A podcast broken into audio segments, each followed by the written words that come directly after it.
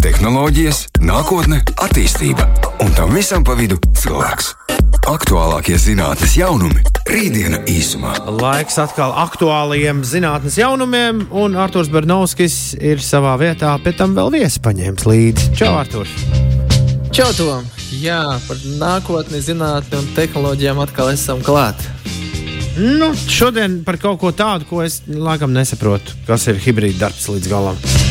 Jūs runāsiet. šod- Jā, šodien mēs runāsim par hibrīdu darbu. Un, laikam jau tā, tas ir ievads, ka nākotnē, attīstība un šis hibrīda darbs noteikti iedarās tajā visā terminā. Jo, eh, kas ir hibrīda darbs? eh, To mēs šodien izrunāsim, skatīsimies. Un, laikam, tas galvenais, vai mēs vispār esam tam gatavi. Un, uh, jā, šodien mums ir arī viesis. Mums ir Oļegs Nikitins, kurš ir darba vides stratēģis. Un, uh, ikdienā palīdz lieliem un maziem uzņēmumiem izveidot birojus, kas motivē un iedvesmo darbiniekus. Sveiks, Oļeg! Sveiks, Artur! Jā, tāds uh, labs ievads, ka izveido birojus, kas motivē un iedvesmo darbiniekus. Un hibrīda darba režīmā, laikam, tas ir liels izaicinājums izveidot tādu vidi, kurā gan darbinieks, gan esot oficiālā, gan arī neoficiālā, varbūt iedvesmojies. Un, bet, Oļa, kā tu raksturotu, kas ir šis hibrīda darbs, par ko nu, pēdējā laikā medijos, un presē, un arī, arī zinātniskos pētījumos sāk jau skatīt un arvien vairāk, vairāk runāt? Hibrīda darbs ir uh, darbs strādājot gan birojā, gan mājās, un kombinējot tos to, tās proporcionāli tās divas vai pat vairāk vietas, kur strādāt. Uh, mācoties uh, strādāt gan produktīvi, gan individuāli, gan komandā, gan kaut kādā tādā veidā. Jā, nu, tas termins strādāt mājās, strādāt citur, ne oficiālā un arī oficiālā.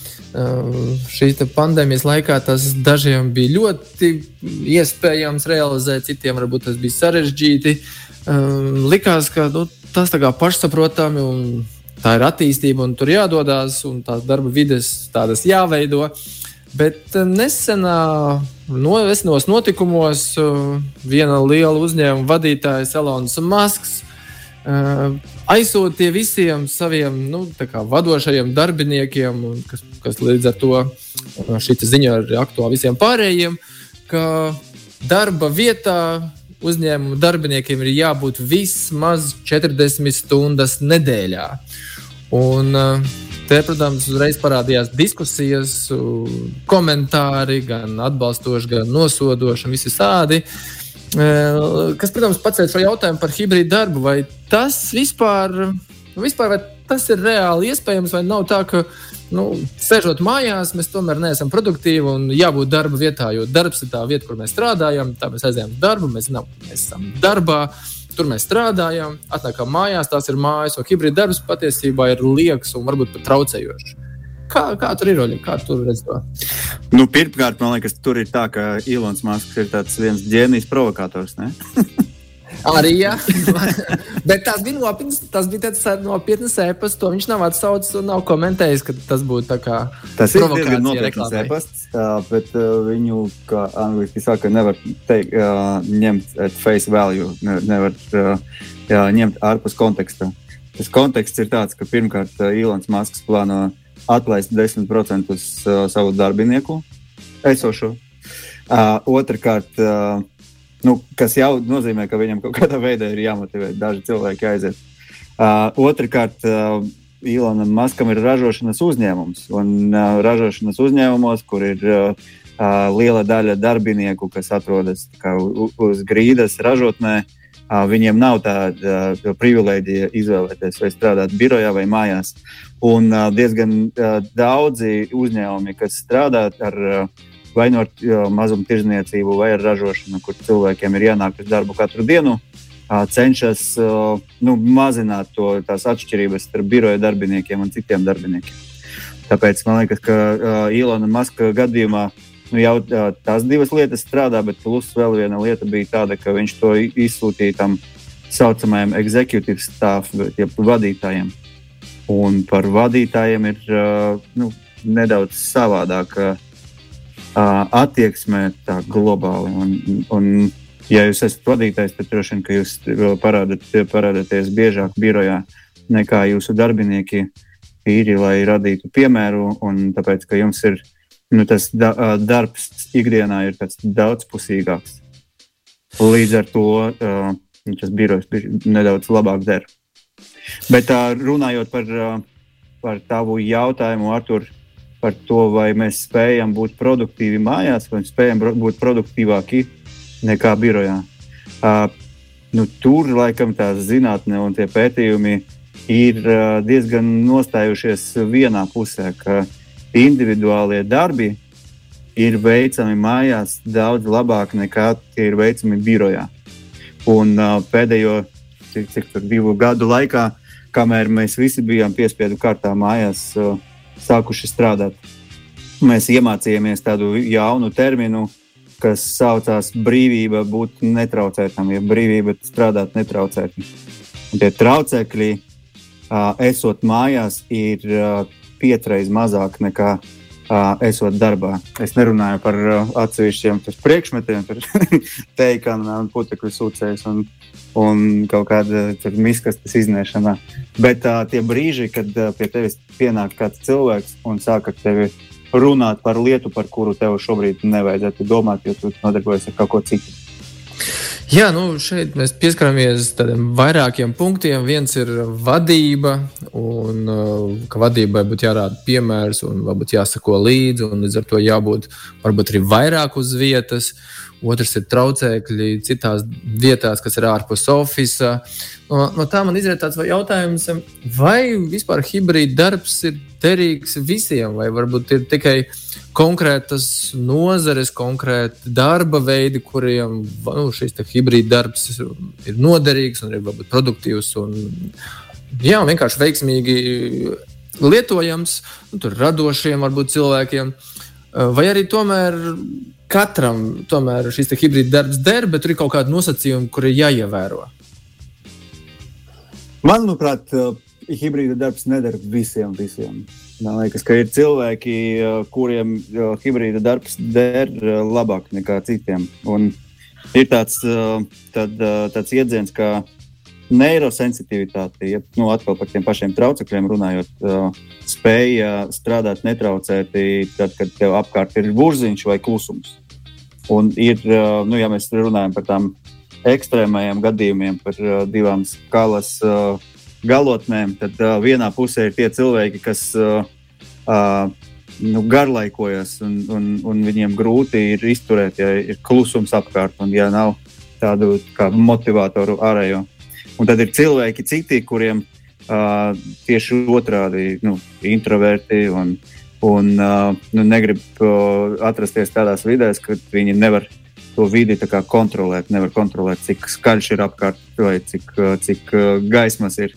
Nu, un, uh, ir tāda vesela zinātne par to uh, neirosensitivitāti. Un, uh, no, no tās zinātnes izriet arī, ka ir tādi cilvēki, kuriem uh, darbs mājās ir uh, nu, piestāv labāk, un ir tādi cilvēki, kuriem tieši nepiestāv sēdēt vieniem pašiem vienā kastē no, no rīta līdz vakaram.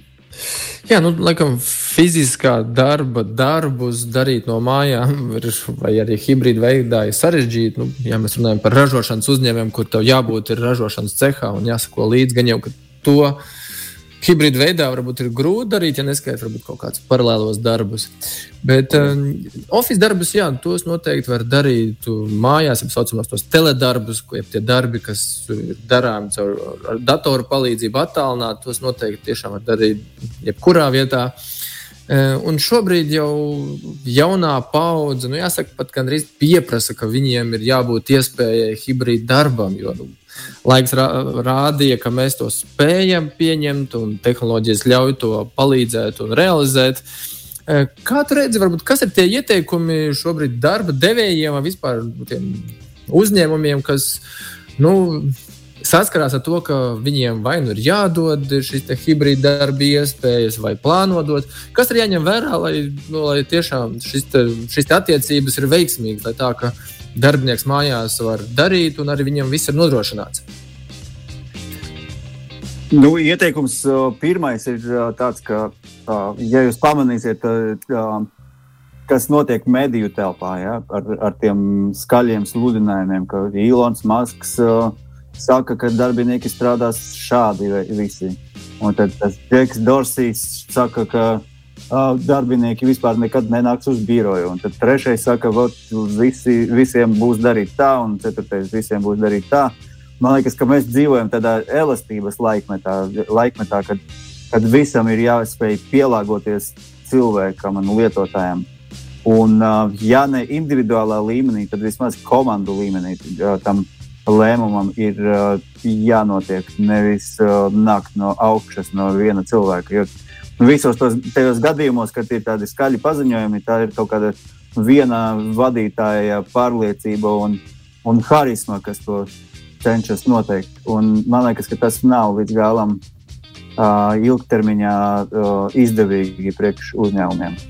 Tāpēc es, iet, nu, tas, ko es iesaku, ir uh, veidot tādu struktūrētu un iekļaujošu, empātisku dialogu ar darbiniekiem, un tomēr ļaut atrast veidus, kā strādāt birojā un mājās, lai, lai, nu, lai katram tas veids derētu. Jo, nu, atkal, ja, ja visi uzņēmumā strādā tādi, kas, kas grib nākt uz biroju, un neviens nav tāds, kas grib strādāt mājās, tad tad mēs gribot, negribot, izveidojam tādu uzņēmumu, kas, ir, nu, kas nav um, tāds iekļaujošs, kur ir nu, vienveidīgi domājoši cilvēki, kas, kas nav labi ilgtermiņā.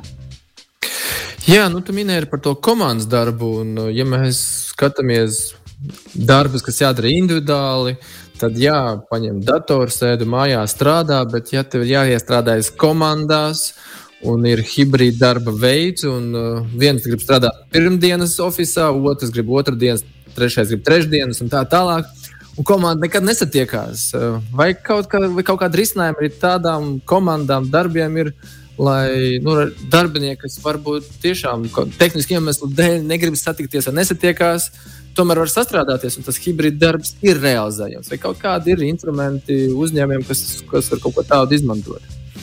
Nu, man liekas, ka nu, pirmkārt. Um, Mēs ļoti reti redzam, tā, ka neskatoties uz to, ka komandas biedri nāk citās dienās, cilvēki grib nākt kaut kādā konkrētā, citā atšķirīgā dienā. Jo mēs uh, ļoti daudz runājam ar uzņēmumu darbiniekiem, lielu un mazu uzņēmumu. Un, uh, iemesls, kāpēc varētu nākt uz biroju, uh, pirmajā vietā vienmēr ir viens un tas pats uh, - būt kopā ar savu komandu. Un tāpēc uh, daudz vieglāk ir vienoties ar komandu par tām dienām, kurās nākt, nevis uh, izvēlēties pašam.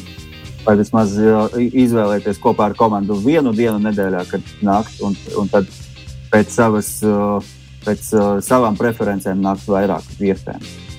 Bet uh, man liekas, ka strādājot komandā, nu, vispār tas komanda, komandas darbs ir tāda interesanta lieta, jo priekš viena komandas darbs var nozīmēt, ka tu atnāc uz, uz kaut kādu telpu, ieslēdzies viņā ar sešiem cilvēkiem vai astoņiem, un tad tajā telpā nu, plecu pie pleca strādā visu laiku, un tas ir komandas darbs. Bet uh, citiem priekšstats ir pilnīgi pavisam cits, es daru savu lietu no, no, sāk, no šī sākuma līdz šīm beigām, un es esmu pārliecināts, ka mans komandas biedrs, kas pārņems no manis manis veikto un turpinās to attīstīt kaut kādu, eh, kaut kādu savu kompetenci ietvarā. Tāpēc nu, tas komandas darbs atšķirās no vienas komandas uz citu. Bet tas, kas ir interesanti pēdējā laikā, ir tas, ka mēs sākam mācīties izmantot tos komunikācijas veidus, kas esot birojā, iespējams, netika uh, izmantoti tik bieži. Rītdiena īsumā. Rītdiena īsumā turpinās. Turpinās arī saruna par, par darbu. Vai ne, Artur? Jā, par darbu, par hibrīdu darbu. Bija ļoti labi piemeklēta dziesma. Man ir tāds slinkums. Jo kādam ir slinkums iet uz darbu, kādam atkal slinkums strādāt no mājām, un šis te viss tādā lielā salātā, salātos tādos uh, hibrīda darba veidoj, veidojumā ir parādījušies. Un, uh, jā, Oļeg, Mēs uh, noslēdzam ar to pirms mūzikas pauzes, ka ir dažādi instrumenti. Un instrumenti noteikti ir gan darba devējiem, lai iesaistītu darbinieks varbūt šajā visā kolektīvā un būtu iespējams veidot hibrīdu darbu, gan arī pašam darba ņēmējam, jeb darbiniekam ir kaut kādi instrumenti. Kas tur ir par tiem instrumentiem hibrīdu darbam? Instrumenti hibrīdu darbam. Nu, laikam, sāksim ar to, ka uh, darba devēja pusē. Uh, darba devējiem, protams, ir izaicinājums dabūt cilvēkus uz biroju kaut uh, kādreiz. Tāpēc, ka birojs tomēr ir tāds lojalitāti veicinošs instruments, Jo, ja cilvēks sēž uh, savā mājās un komunicē ar kolēģiem tikai caur ekrānu un e-pastiem, tad nu, tas iespējas teiksim, iemīlēties uzņēmumā ir krietni mazāk nekā, ja, cilvēks atrodas kopā ikdienā ar, ar saviem kolēģiem, konkrēti noformētā birojā un tā tālāk. Tāpēc tas būs izai, nu, tas ir jauns izaicinājums priekš darba devēja, kā kā teiksim, izkonkurēt to darba vidi priekš, priekš visiem darbiniekiem. Bet uh, tāpat laikā man liekas, ka es jau teicu, ka tāda noteikti no augšas, uh, kurā brīdī kuram cilvēkam nākt uz darbu, nu, nav vēlams. Savukārt, ja mēs runājam par, par to darbu komandā, man liekas, ka nu, diezgan interesantā posmā dzīves mēs dzīvojam pasaules attīstības posmā. Tāpēc, ka mēs sākam pamanīt, ka ir eh, nu, atšķirīgi komunikācijas veidi nekā teiksim, sapulce vai, vai saruna viens pret viens. Jo mēs mācāmies izmantot uh, čatus darbā, mācāmies izmantot uh, video uh, klipus, ie, uh, video ierakstus, lai izskaidrotu kolēģiem kaut ko tā, saucamais, tā, tā saucamo asinhrono komunikāciju veicinot. Man liekas, ka um, vajag eksperimentēt ar tām lietām un skatīties, ko, uh, ko tas, šīs lietas var nest mums. Tāpēc, ka nu, tā sapulce kā, kā, kā rituāls, teiksim, ir vieta, kur izpausties tiem ekstravertiem, bet ir liela daļa cilvēku, kas sapulcēs izvēlās nerunāt. Un ir daļa cilvēku, kas, pat ja viņiem ir ko teikt sapulcē, tad labāk viņi pasakāt to uzticamai personai pirms sapulces vai pēc sapulces, uh, lai nonestu savu do, domu tālāk caur kaut ko vēl citu. Bet uh, priekš tādiem cilvēkiem iespējams, ka uh, tā, tāda čata formā vai rakstiskā formā video sapulces laikā pat der labāk. Un, un, uh, man liekas, ka tas ir tāds jauns vadītāja uzne, uzdevums uh, pamanīt, kad, kad kāds uh, grib kaut ko pateikt, ne, nu, neuzkāpjot teiksim, uz tās skatuves. Bet, jā, jā, mēs...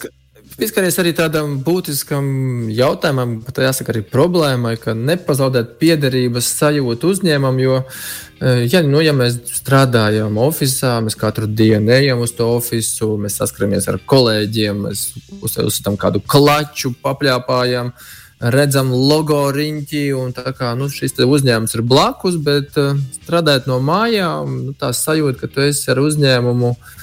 Jo īpaši, ja tavs darbs viss ir kaut kāds radošais, kur kaut kas jātaisa un jākomunicē ar maz, tad nu, tā piedarības sajūta ir maza. Un, uh, kas var būt kaut kādi ieteikumi vai kaut kādas idejas, vai ko tu esi dzirdējis, vai arī ieteicis uzņēmumam, ko kā, ieviest nu, uzņēmuma kā, dzīves kultūrā, lai nepazaudētu darbinieku šo piedarības sajūtu strādājot no mājām vai kur citur. Un varbūt arī paši darbinieki kaut ko var darīt lietas labā, lai arī, nu, arī nepazaudētu šo sajūtu un būtu prieki, prieks strādāt uzņēmumā. Man liekas, ka lai, lai veidotu to kopības sajūtu, ir jāskatās uz to, kas, nu, uz tiem instrumentiem, kas to kopienu prot veidot. Un, un šeit ir da, daži ieteikumi, ko es varu minēt. Pirmais ir atnākot cilvēkam uz darbu, nu, no jaunam darbiniekam, atnākot uz jaunu darba vietu.